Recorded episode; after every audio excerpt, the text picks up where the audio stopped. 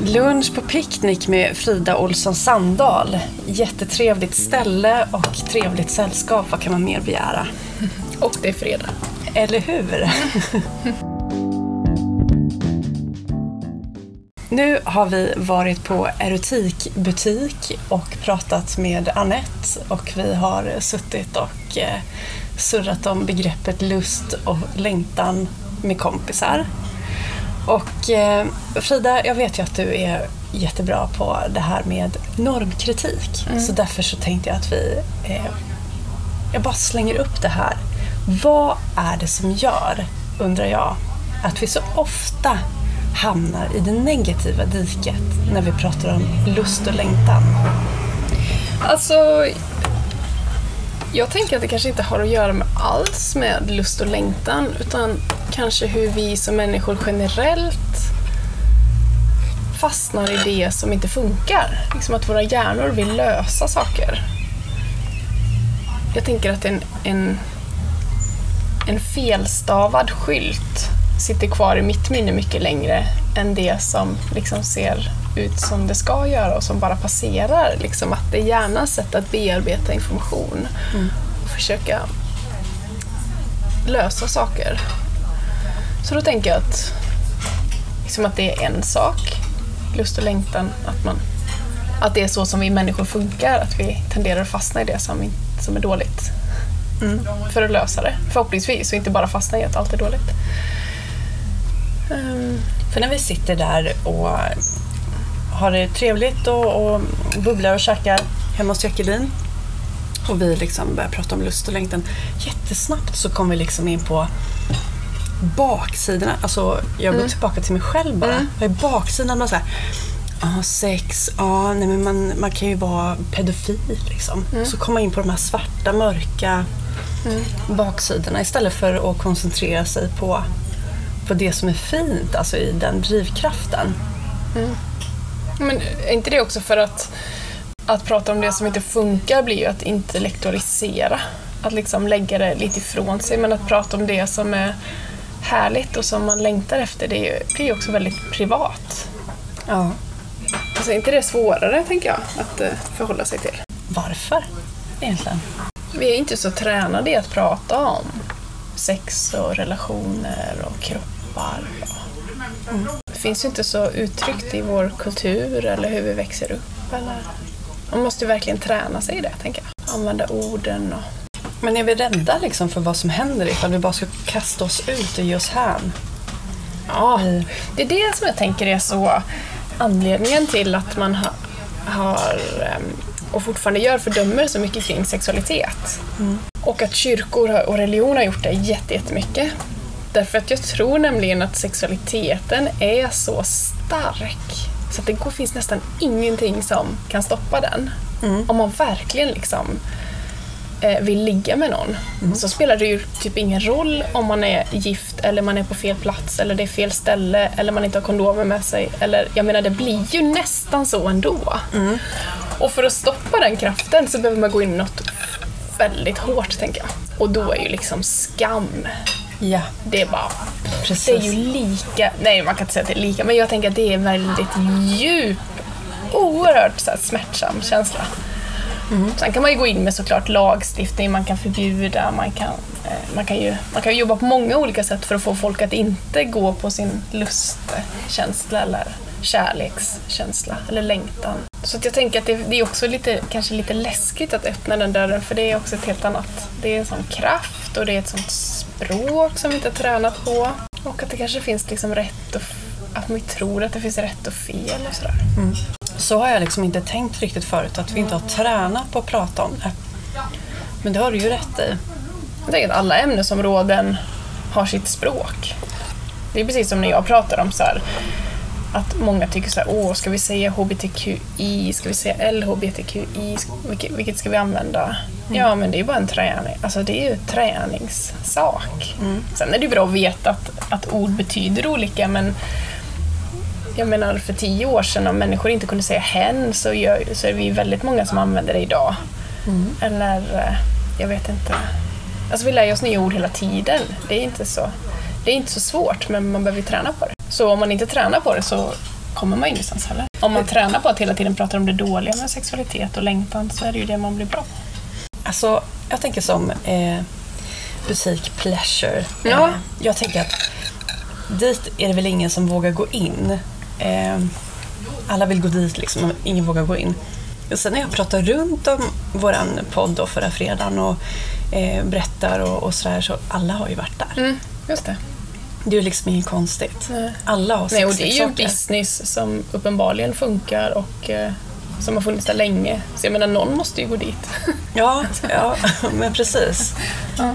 Vad skulle vi kunna göra liksom för att göra det ännu mer legitimt eller mer okej att prata om det eller bara vara naturlig med det? Men kanske prata om det på ett sätt som... Alltså, kanske så här, om jag tar ett litet steg och vågar säga någon liten sak så kanske du följer efter. Liksom. Att, man, att man inte bara tror att man ska kunna helt öppet sitta och prata om vad man har för sexleksaker hemma. Alltså från ingenting till det, det klarar ju en del. Men om inte det är liksom ett steg som känns som att bara, men nu gör vi det, då kan man ju liksom... Det är jättebra att börja så här som jag tänker att ni har många samtal nu. Så här, ah, men har du lyssnat på avsnittet om pleasure och har du varit där? Och, ja. liksom, då har man ju påbörjat den vandringen.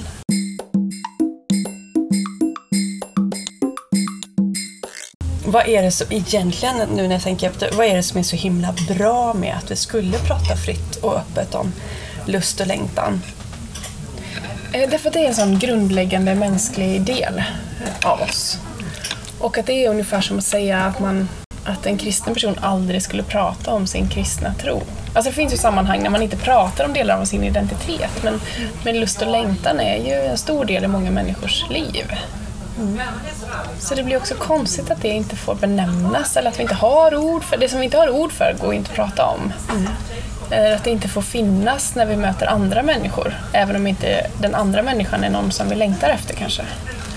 Så, så är det ju konstigt att, att det blir så här. Om jag går tillbaka till mig själv. tystnadskultur. Och alltså min lust och längtan och när jag ska öppna mig för någon och berätta om den, att den ser ut så här och så här.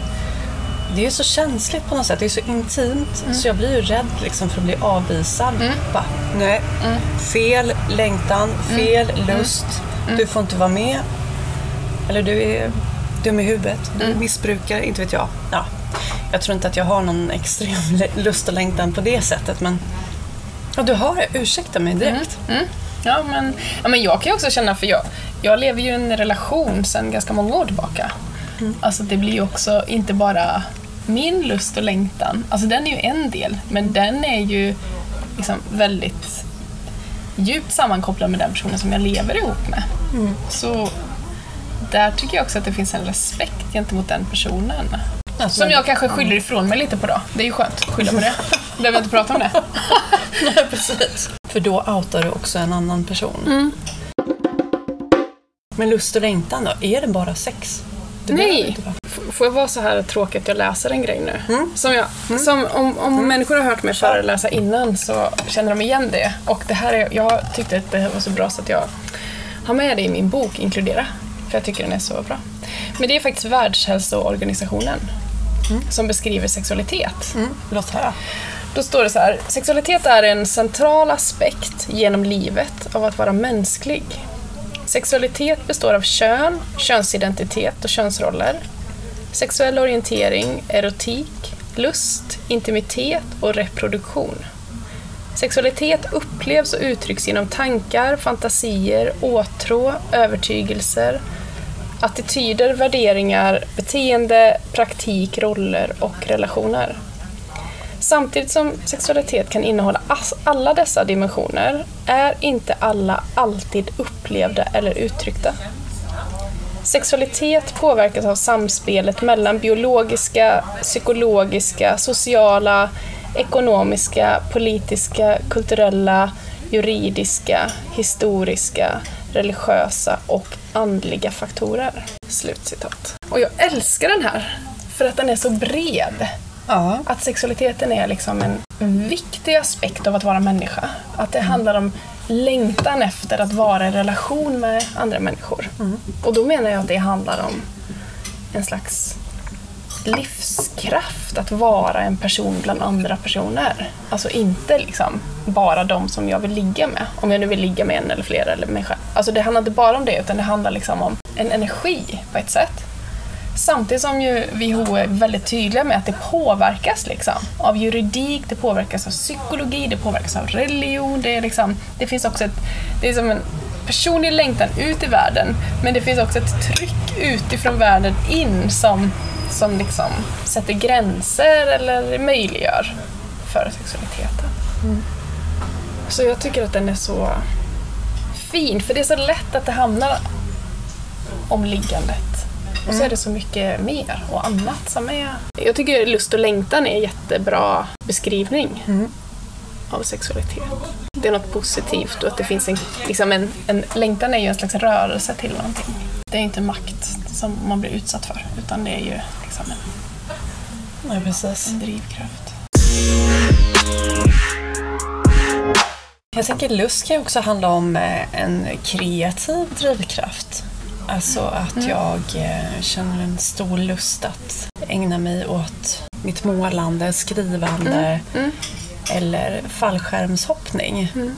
Och bara kasta mig ut. Och där fattar jag också ja, att man kan prata om lust.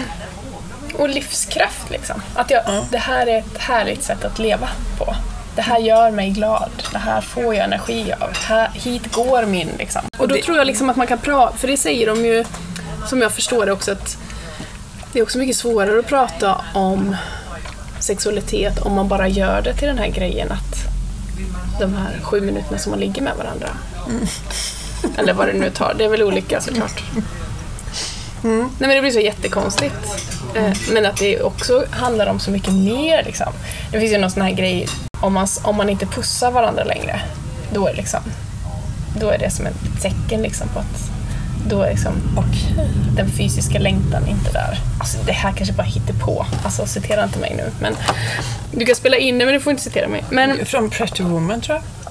Är det så? Ja, där säger hon så. Du får inte pussa mig för då eller just, det, går, just det, åt andra hållet ja. Då går det över en gräns åt andra hållet. Just mm. det, för det blir för intimt. Mm. Just det, så om man slutar pussa någon så kanske man är... Då tappar man liksom den här viljan av att vara liksom, så nära någon. Ja. Jag vet inte om det stämmer. Ja. Ja. ja. Det är ju verkligen som att gå in på någon annans privata sfär. Liksom. Nej, men då tänker jag att om man också pratar om närhet och längtan på det sättet att man kan vara fysiskt nära. Jag menar, många är ju väldigt nöjda med att kramas och hångla eller bara få sova tillsammans med någon. Det är ju, det är ju jätteintimt, det skulle inte mm. jag göra med vem som helst. Nej, verkligen inte. det skulle inte jag heller menar jag. mm. Spontan reaktion bara, oh äckligt. Nej men helt sant faktiskt, det gör man inte. Nej, och då Kanske ens med en sexpartner, alltså om man bara är ute Nej, efter Nej, det... bara sex. Nej, man kan ju vilja att någon går hem då. Ja, när då det är, är klart, det färdigt. Liksom. Mm. Yes. Mm. Men om man, ska, om man ska gå till det här hur vi pratar om detta för att då tror jag att det är viktigt att ha med hela delen av det. Mm. Liksom att, för mig är det viktigt att vi håller handen när vi går ut och går. Eller, alltså det är, någonting, det är något mer än liggande. Mm. Och det tror jag kanske är nyckeln till att också våga prata om det. För man kan ju också vara sån som människa att man inte tycker om att någon liksom rör en. Mm. Eller så är det det som är hela liksom, den viktigaste kärleksbetygelsen. Att någon... Och sen tänker jag att det måste få vara okej att man har sin egen, egen lust och egen längtan och det man längtar efter. Att det inte finns någon... Jag kan tänka att det blir lätt så genom media och sådär. Att så här och så här är det, så här och så här funkar män, så här och så här funkar mm. kvinnor. Ja, nej men jag tänker att eh, den sexualitet som man själv vill ha och vill utforska, den är ju positiv och bra så länge det inte skada någon annan eller så länge alla som är med vill samma sak. Då är det ju väldigt svårt att säga, säga att det är fel tycker jag. I de kretsar som jag rör mig så, så pratas en del om eh, lite olika, alltså att man faktiskt kan vara fler. Ja. Eh, och det svarade ju Annette på Pleasure jättebra på. Mm. Att så länge det finns ett samtycke mm. så har inte jag med saken att göra. Nej, exakt. Alltså då har inte jag rätt att tycka någonting. Nej, för då är ju alla de vuxna är ju där. Mm. Och då måste vi utgå från att de, att de har sagt ja till det. Mm. ja då så. Eller vad ska vi göra? Det är som att säga så här, nej ni får inte spela fotboll för man kan inte skada sig. Eller det verkar helt puckat att spela fotboll, sluta med det. nej, Eller men jag menar om man vill, då får man ju tänka att de som spelar fotboll, vilken dålig liknelse detta blev nu. Men då får man ju tänka liksom att om de som spelar fotboll, om de vill lägga sin tid på det får de väl göra det då. Ja. Om de är vuxna människor. Tvinga inte dit några barn. Men, men om alla är vuxna och alla vill vara med, då är det bra. Jag tyckte det var en utmärkt exempel. Nej, men jag menar, liksom, människor håller på med massa grejer som man själv kan tycka så här, jag skulle aldrig göra det. Men vem är jag att döma dem? Liksom? Det tycker jag också är så intressant. Det kan jag passa på att fråga dig, sociolog Frida. Vad är det som gör att vi är så upptagna med vad andra gör? Nej, alltså, jag fattar inte det.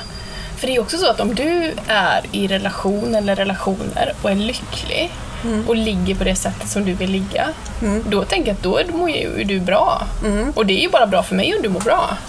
Alltså vad är problemet? Jag, jag fattar inte det. Jag fattar inte hur kärlek kan provocera så. Alltså, det, jag tycker det är ointelligent. liksom.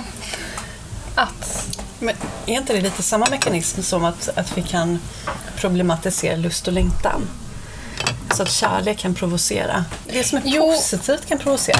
Ja, men precis. Men, och så är det väl också att då behöver jag inte prata om mig själv. Alltså om jag har fullt upp med att liksom prata om det som inte funkar eller det som är dåligt eller hur någon annan lever. Då det är som att sätta upp en mur. liksom. Ju, och ju mer osäker man är i sig själv eller som grupp, desto mer, större är ju risken att man bara liksom skapar en identitet genom att inte vara som de andra. Liksom. Att man lägger jättemycket energi på det. Så, Alltså, alltså, maskulinitet, liksom. nu är det detta på teoretisk nivå och gäller såklart inte alla kvinnor eller alla män. Men liksom att maskulinitet är ju en sån icke-identitet. Det vill säga, man är bara man om man inte är kvinna eller inte homosexuell eller inte svart. Eller inte, alltså att, mm liksom, och att man lägger otroligt mycket kraft på att inte vara feminin eller att inte leva på sätt som gör det. Men man pratar inte om vad maskulinitet är, utan man bara, maskulinitet är att inte vara de där andra grejerna. Och det tänker jag, när, när människor eller grupper har väldigt stort, lägger mycket energi på att prata om de där andra, för att säga att vi är i alla fall inte som dem, då, då vet man ju kanske inte riktigt var man är själv någonstans. Det tror jag är kärnan. kan man ju möta människor som har fullt upp med att bara engagera sig i andra människors liv eller prata illa om andra människors liv. Det är jätteeffektivt att få med sin omgivning och prata illa om andra. Men är inte det vanligare än att möta människor som bara ger sig hän i sitt eget, sin egen längtan och lust och sin egen liksom, eh, Jo, det är, jo, drivkraft? det är ganska vanligt. För det är klart, det är ju läskigt att Ja, blotta sig ja. Jag tänker att det inte är så konstigt. Men vi kanske kan hjälpa varandra.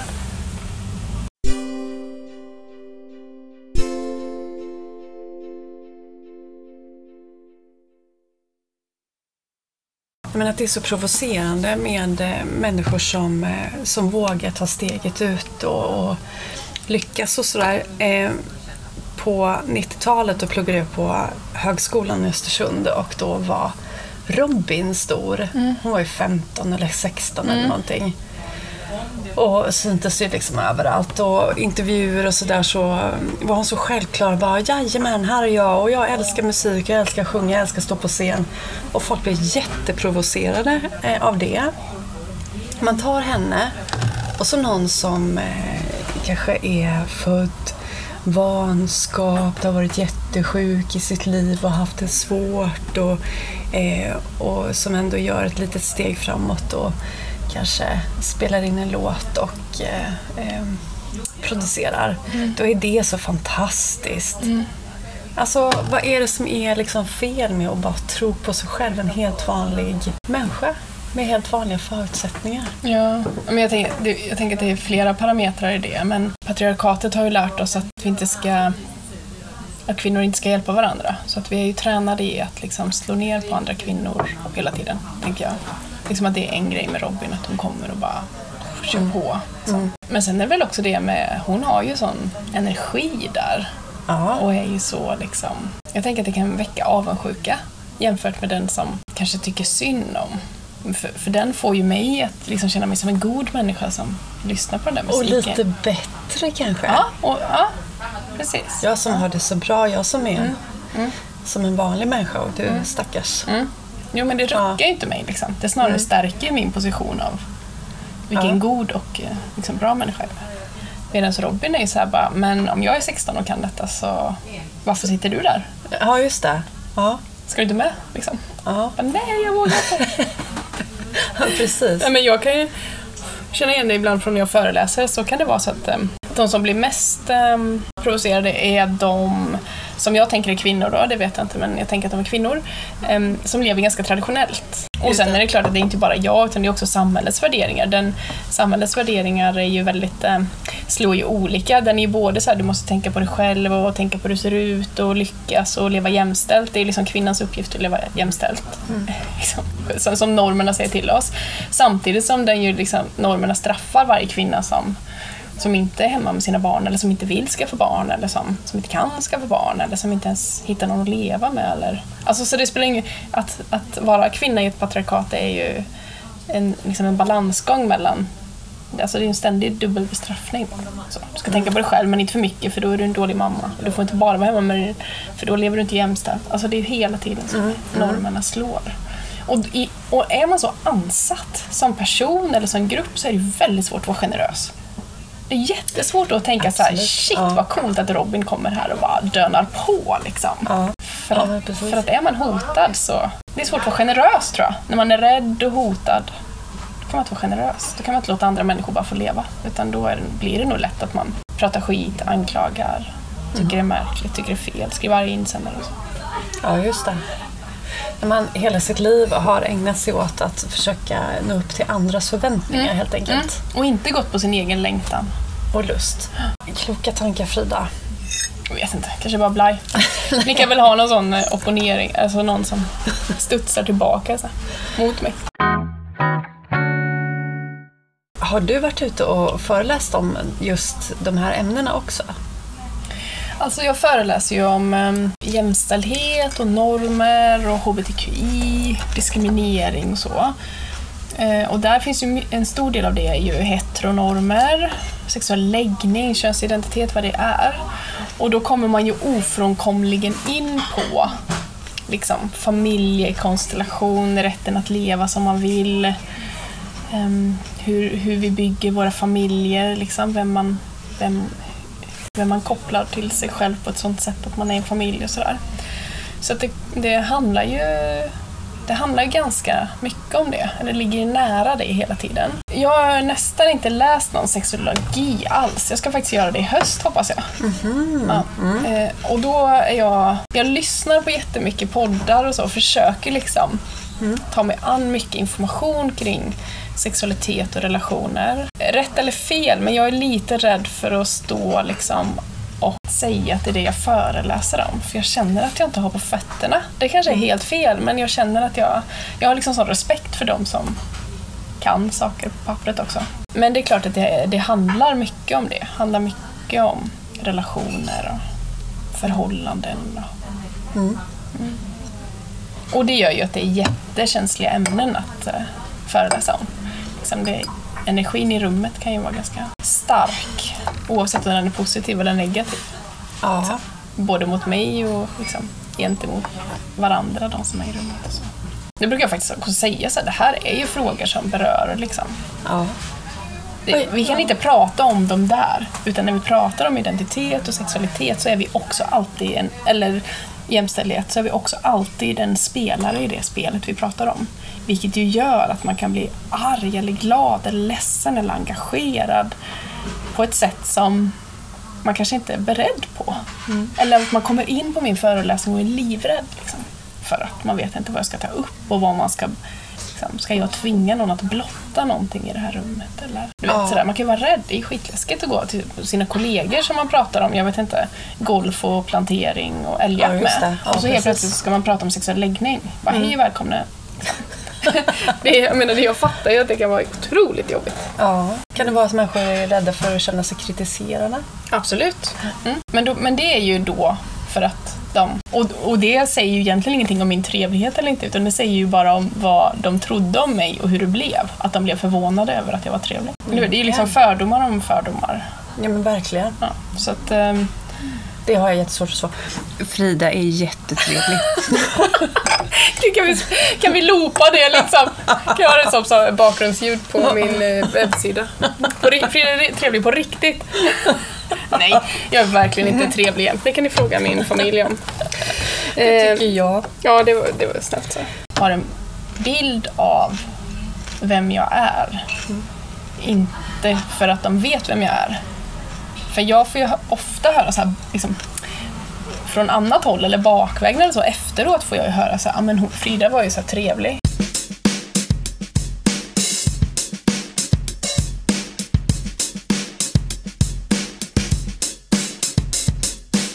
Men eh, passa på att berätta lite om din podd. Du har en egen tillsammans med en poddkompis. Mm.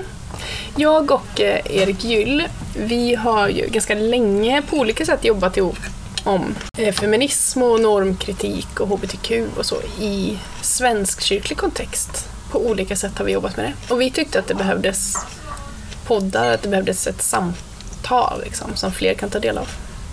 Så vår podd heter Behåll hatten på.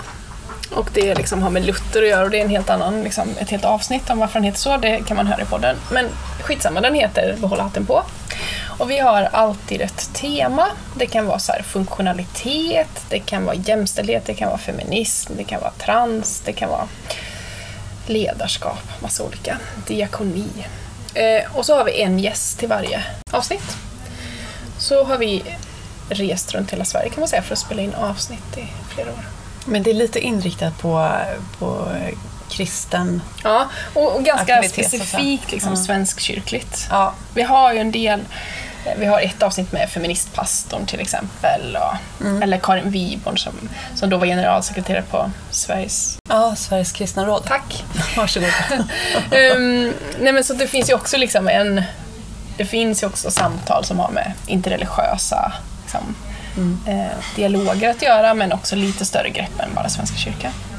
Mm. Men vi är så väldigt svenskkyrkliga, jag och Erik, så det blir liksom... Ja, vi måste tala sant. Är inte Erik gift med en sexolog? Eh, nej, det är han inte. Nej. nej. Däremot har Erik eh, varit ute på krogen och sagt att han är gynekolog. det är ett jätteroligt avsnitt, det måste ni lyssna på. För att eh, han var så trött att prata om att, att han var präst på krogen. Jaha. Så då mm. sa han alltid att han var gynekolog för det var ingen som ville prata med honom. Mm. Tills den dagen han träffar en som också är gynekolog. Åh oh, nej! Jätteroligt avsnitt. Jag, ja, jag ska inte spoila den. Ja, detta rekommenderas. Ja, det är så skruvat. Okej. Mm. Så den är, och den har vunnit pris. Det får jag också säga. Årets förnyare i Svenska kyrkan. 2019. Just det, mm. precis. Mm. Eh, hur blev ni uppmärksammade då? på, på framsidan i kyrkans tidning. Mm. och så fick vi åka till Gotlands kyrkvecka och vara där. Det är så hemligt vem som vinner. Så det släpps ju på torsdag morgonen i samband med tidningen. Okay. Och det, då var det också, det var en sån maxad dag. Då var det Pride i Växjö. Mm. Och vi hade live-podd med Mark Levengood i domkyrkan, i Växjö domkyrka. Oj, ja. Så, så direkt när vi hade liksom, vi åkte då till Växjö, hade den här grejen med Mark Levengood som ju också spelades in och finns då Eh, och sen satte vi oss direkt liksom, och åkte till, till Visby. Så vi var framme i Visby på natten liksom. Och sen var vi där hela helgen. Och det var ju ingen som visste att vi skulle Nej, åka det. dit. Ja, det var så väldigt oh, yeah. roligt. Mm. Ett minne för livet. Ja, det var roliga dygn. Verkligen. Mm. Vi ska, eh, om några poddar framåt, så ska vi prata med en sexolog som heter Hanna Möllås. Just det. Mm. Och där hoppas jag att vi kommer belysa just också eh, religionens mm. påverkan på sexualitet. Hon har väl också en podd? Ja, ja. Lustpodden heter den faktiskt. Ja, roligt. Och den är lite inriktad, det är hon och Leif Karlsson. Mm. Eh, och den är lite inriktad eh, mot eh, människor som jobbar med terapi. Mm. Om hur just lust kan påverka människors liv. Mm. Men får jag också bara säga att um, jag lyssnar mycket på Sexpodden. RFSUs Aha. Sexpodden. Mm. Eh, den är otroligt bra. Eh, därför att den också är så normkritisk i sitt sätt att prata om detta. Så att man, när man ska börja prata om de här frågorna som, som du och jag pratade om innan Sara, mm. att, att det kan vara så skönt att höra någon annan prata om det. För att man får orden då Ja, just det. Och de är så otroligt bra på, det tar upp jättemånga olika delar. Eh, men man kan liksom kopiera deras eh, sätt att prata om frågorna. Mm. Det tycker jag är bra. Plus att det är ju som eh, det som ju när jag gick i skolan hette sex och samlevnadsundervisning. Det, det får man ju ingen sen som vuxen. Så att eh, det är ju också ett sätt att utbilda sig, tycker jag. Mm. Ja, så den kan jag verkligen rekommendera. Sexpodden. Bra! Den hade jag faktiskt inte hört talas om. Nej. Så det ska jag absolut undersöka. Sen kom jag på Frida, vet du en sak? För länge sedan så tror jag att du tipsade om någon annan podd som pratar sex men alltså på ett mer lustfyllt sätt. Mm. Alltså sexpodden är väl mer att man pratar om sex rakt upp och ner. Ja, precis. Eh, nej men det här, var det Ligga med P3 eller vad var Ja, det? just det. Ja. Ja, men- Och alla våra ligg är väl också en sån. Okej Ja. det. Mm. Alla Som våra jag faktiskt inte har lyssnat så mycket på. Men jag vet att det är jättemånga som gör det. Så att om man vill komma lite i stämning så kan man Ja. lyssna på alla mina ligg. Alla våra ligg tror jag. Jag tror att det är två personer två, ja, som har den. Okej. Ligga med P3 är väl också lite eh, blandat, både sådär eh, ren information och Mm. lite lustfyllda noveller och sånt där. Mm. Mys och pys. Mm. Jo, men det finns ju alla möjliga. Det är roligt med poddar, det blir så tillgängligt. Ja, eller hur? Mm. Ja. Man kan skapa sin egen radio. Ja. Men eh, vilka ska ni mer intervjua? Hanna då? Vad har ni mer för plan här i... Vi tänker, eh, vi tänker göra en podd också om jakten på eh, lusten eh, och längtan. Man måste ju ha någon att eh, ha lust med om man inte vill göra det själv. Mm. Eh, för det kan man ju naturligtvis göra. Mm. Eh, då kan man ju till exempel ge sig in i eh, dating-app-djungeln. Och det är verkligen en värld för sig. Ja, jag är så glad Att du att slipper. jag slapp. Ja, Mm, Jag var precis på gränsen liksom, in i det. okej. Och sen... eh, Mm. eh, Jag hängde på Sylvia. Kanske är några flator som lyssnar på detta som hängde på Sylvia för 20 år sedan. Liksom. Aha! Så Sylvia och Sylvester hette de. Det var sån... eh, Det var ju inte så dating app för det fanns ju inte då. Nej. Men det var ju sånt fo- nätforum liksom. Så. Okej. Mm. Ja, det visste inte jag vad det var för något. Eller? Vad spännande. Mm. Ja, nej, kära nån. Det är verkligen en värld för sig med ett eget språk och ett eget, en egen kultur. Och, Mm. ja, och dejta överhuvudtaget är ju en oerhört märklig eh, Mm. situation och företeelse. Mm. Men det säger ju någonting, jag brukar prata om det faktiskt på mina föreläsningar, det säger ju någonting om människors starka längtan, att det finns en hel business kring detta. Vi så vill hitta någon, oavsett om det är liksom ligga i sju minuter eh, en torsdag, eller om det är så här, åh, livet och, och hund och villa och eh, sju barn. Alltså det är ju väl olika, men, men det är ju ändå längtan efter andra människor som gör att man kan tjäna feta pengar. Ja, precis. Snacka om att utnyttja. Ja, eller hjälpa. Ja. Men det beror på vad man tar betalt. Liksom. Så vad skulle vi kunna liksom uppmana människor eh, till att, att göra eller tänka? Jag tänk, tycker att eh, man kan träna. Då säger jag detta lika mycket till mig själv som alla andra, bara så att ni vet. Liksom. Vi kan försöka öppna, liksom. öppna någon liten dörr eller ta något litet steg i att försöka prata om längtan. Jag tänker att man ska börja med att eh, sluta och se sig omkring runt, runt sig själv och istället gå in i sig själv och Mm. eh, ta reda på vad, vad som är just jag och vad just jag längtar efter. Vad är viktigt för mig? Jag tror också att man kan lita på sin känsla. Liksom. Mm. Att om man eh, släpper huvudet och Ja, försöker lyssna. Jag är skitdålig på det. Så liksom, tro inte att jag sitter här som någon här, att jag har den här erfarenheten i kroppen. Det har jag verkligen inte. Jag är en huvudfot in oerhört mycket. Men jag tror att kroppen vet. mm. Det finns ett, det, jag kommer inte ihåg vad det heter, det projektet, men det är RFSU i Stockholm. Det finns om, i en av, ett av våra poddavsnitt där man ha, pratar om bra-känslan. Liksom. Att man vet vad som är bra, känns bra. Och att det är så viktigt att lyssna på den känslan. Mm. Så när det handlar om längtan och lust, att man... Alltså känns det liksom inte bra, då ska man lita på det. Då är det inte bra. Det, det finns liksom en... Det finns ett signalsystem i oss. Just det. Som vi kan döva med våra tankar Ja. och våra förklaringar och Ja. analyser. Och, Ja, bortförklaringar. Äsch, det är bara jag som håller på. Ja. Det är inget att bry sig om. Istället för att faktiskt ta det på allvar. Ja. Mm. Och igen då, jag är verkligen inte bra på det själv. Så att jag vill vara jättetydlig med det. Ja, ja, nej men vi ska inte granska dig Frida din... Men det får man gärna göra, men jag vill bara måla upp en rätt bild här av att, så här, att, Mm. att jag kan sitta här och prata om det. Liksom. För att det är också ett sätt att intellektualisera detta.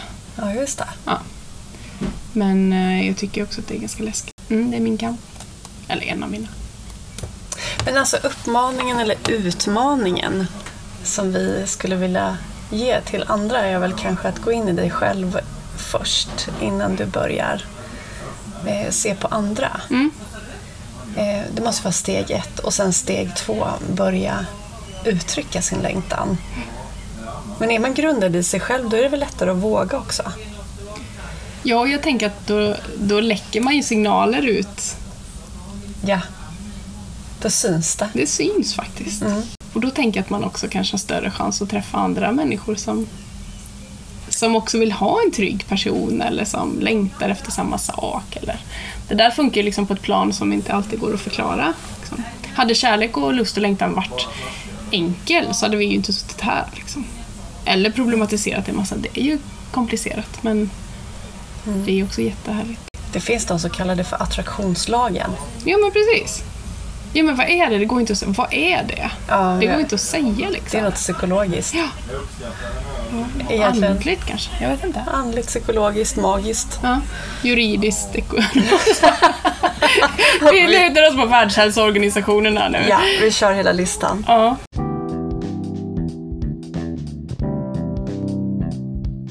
Vad kul Frida och eh, få käka lunch med dig så här en helt vanlig fredag på restaurang Picknick i Jönköping. Rekommenderas varmt. ja, verkligen. Både käka lunch med Frida och gå på picknick. Ja, det är bara att höra av er. till, min, ska, till min sekreterare. Nej, jag, bara, jag har ingen. Men jag kan höra av sig.